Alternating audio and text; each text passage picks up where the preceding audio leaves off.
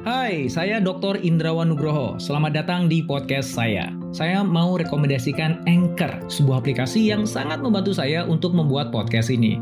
Layanan Anchor itu gratis dan kamu bisa download di App Store atau Play Store atau bisa juga diakses di websitenya www.anchor.fm. Yuk, mangga dicoba.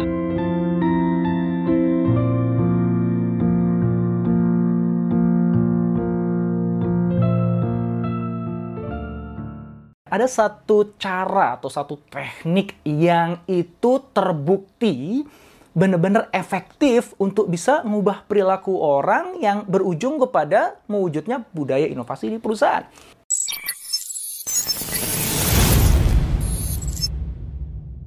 Oke, kita berangkat dari ini dulu deh. Ini adalah Edgar Schein Culture Model. Ini di dipublikasikan di tahun 1980. Ini menggambarkan bagaimana sih sebuah budaya dari organisasi itu terbentuk.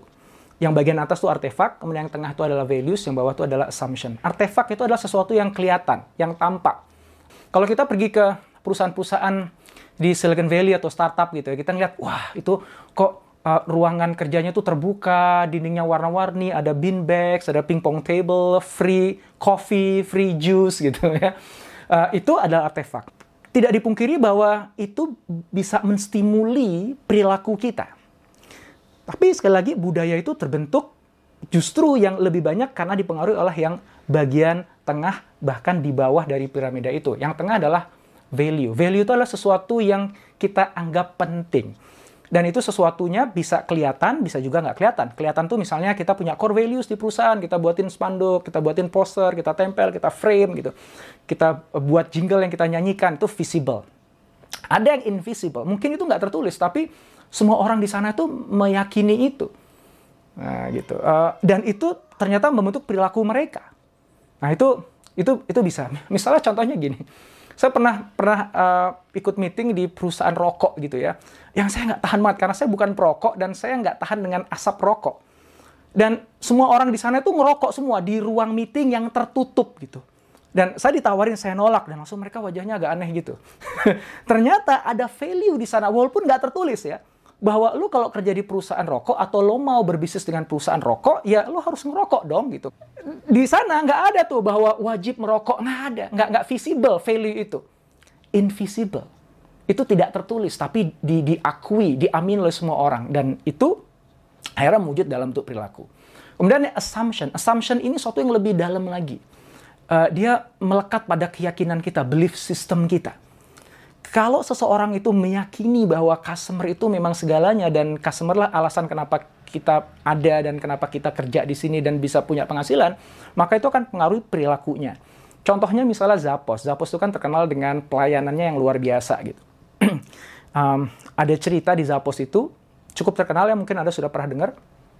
Jadi ada customer yang ingin beli sepatu dari Zappos ternyata habis stoknya gitu. Terus alih-alih si karyawan Zappos itu menyampaikan bahwa ini kami stoknya habis, mohon maaf bu, kami nggak bisa layanin Anda. Dia tidak melakukan itu karena dia tahu kalau itu dia lakukan, dia akan membuat karyawan, eh, membuat si customer tadi jadi sedih. Sementara spiritnya, value-nya, asumsinya orang-orang Zappos adalah delivering happiness.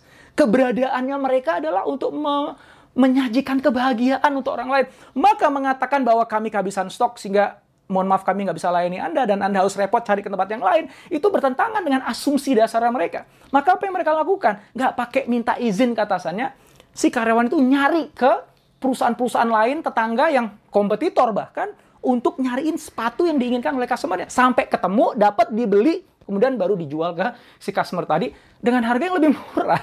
Jadi hitungannya rugi secara finansial. Capek, rugi waktu, rugi energi juga. Tapi dilakukan. Kenapa? Karena ada basic assumption yang dimiliki oleh seluruh karyawan Zappos. Yang mana kalau mereka nggak sampai melakukan itu, wah lo bukan Zapposian gitu. bukan orang Zappos lu gitu. Ya, nah asumsi ini ternyata teman-teman yang paling kuat mendikte perilaku orang. Dan akhirnya perilaku ini yang membentuk budaya. Jadi gimana caranya kita bangun budaya organisasi yang efektif? Kebanyakan perusahaan itu dia mainnya yang di atas, di artefak. Dan itu nggak efektif. Ya nggak? Coba lihat aja kalau misalnya, oh perusahaan kita pengen lebih inovatif nih, paling nggak kelihatan inovatif ya. Udah dindingnya udah cat warna-warni, open space gitu ya, kasih beanbag di mana-mana, buat event-event, inovasi, kompetisi lah, hackathon lah, macam-macam. Bukan berarti itu nggak ada efeknya ya, saya yakin tuh pasti punya efek lah. Paling nggak tuh men-trigger gitu. Memberikan percikan api semangat berinovasi. Aku yakin itu itu ada gitu. Tapi kalau Anda fokusnya hanya di situ, obviously itu nggak akan menghasilkan budaya inovasi yang Anda inginkan. So you have to go deeper. You go to values, bahkan yang lebih dalam lagi, assumption. Hai, sebelum kita lanjut podcastnya, kamu sudah pernah dengar Anchor kan? Anchor adalah all-in-one podcast editing platform yang saya gunakan untuk rekaman, edit suara, tambah lagu, dan semua hal dalam pembuatan podcast yang sedang kamu dengerin ini. Anchor bisa membantu kamu bikin podcast kamu sendiri loh. Caranya gampang, tinggal download dari App Store atau Play Store, atau bisa juga diakses di www.anchor.fm. Download Anchor sekarang ya. So if you want to change people behavior, kalau Anda ingin mengubah perilaku orang, yang tadinya orang itu dia uh, takut untuk mengungkapkan pendapat. Jadi berani mengungkapkan pendapat. Orang itu cari aman-amannya aja. Lakukan hal yang sama berulang-ulang yang udah pasti berhasil. Anda ingin ubah perilaku mereka supaya lebih berani eksperimental.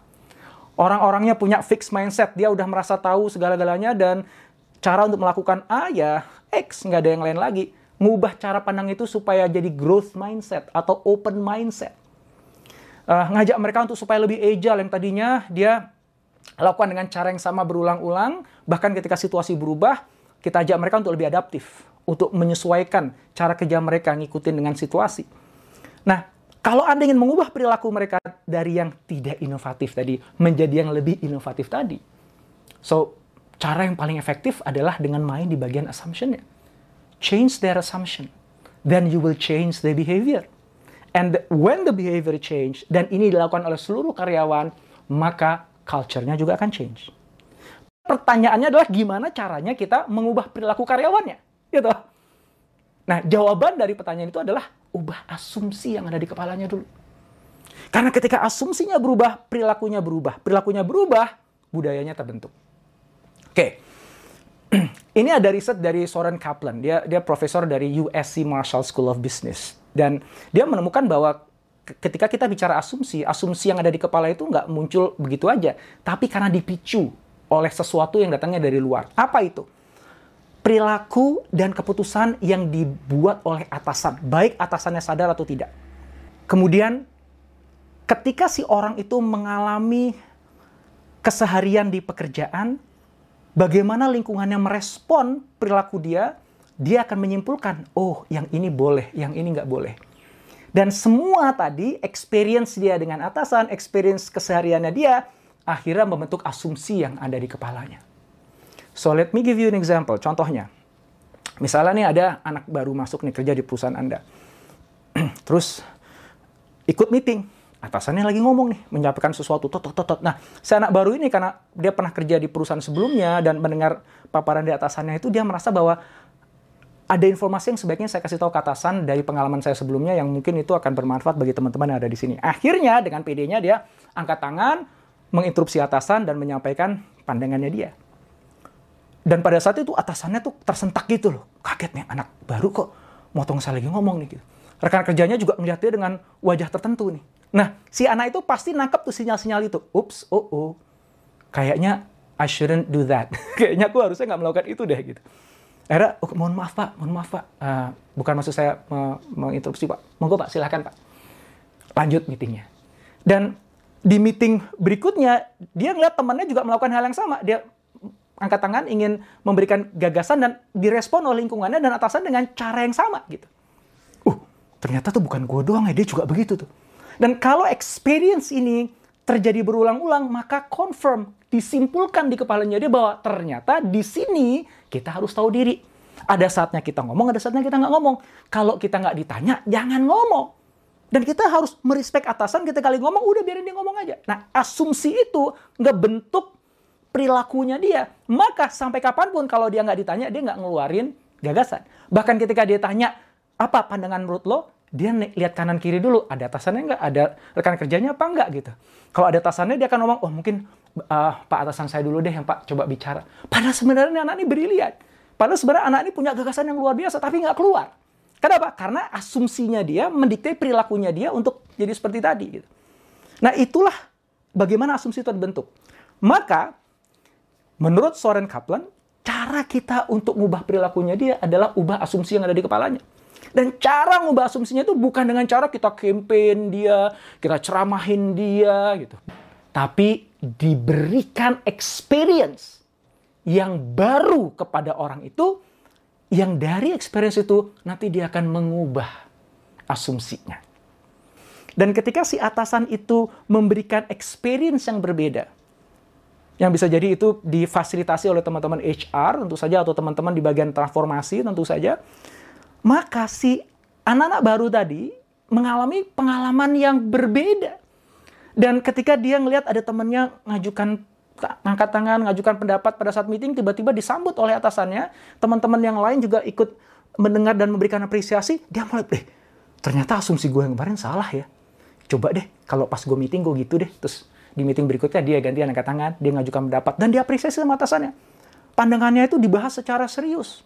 Masukannya diterima. Uh, ternyata yang gue pikir bahwa itu sesuatu yang gak boleh dilakukan tabu itu enggak ya. Mungkin kemarin gue gue sial aja gitu, kebetulan aja gitu tuh kasusnya saja. Ternyata enggak kok. Di sini ternyata orangnya asik kok, sangat terbuka kok. Nah, perubahan asumsi di kepalanya itu yang dipicu oleh si perilaku atasan dan rekan kerjanya, ruang yang diberikan kepada dia untuk menampilkan perilaku yang kita inginkan dari dia, itu akan membuat asumsi yang baru ini semakin kuat di kepalanya dan akhirnya asumsi itu yang mendikte perilakunya. Dan akhirnya orang itu lebih open mind, orang itu lebih mau eksperimental, orang itu bisa lebih agile, ya. Dan dari perilaku itu yang kemudian menyebar ke teman-teman yang lain, akhirnya membentuk budaya inovasi. Jadi, kesimpulannya teman-teman semuanya. Kalau Anda ingin membangun budaya inovasi di perusahaan Anda. Nggak cukup cuma sekedar main artefak. Anda main di asumsi. Soren Kaplan menyimpulkan begini. Kalau Anda memberikan orang-orang yang ada di perusahaan Anda experience yang spesifik dan konsisten, yang itu secara jelas mengkomunikasikan pentingnya mereka mengadopsi asumsi baru mereka, maka perilaku dan budaya inovasi itu akhirnya akan mengikuti. Silahkan dicoba.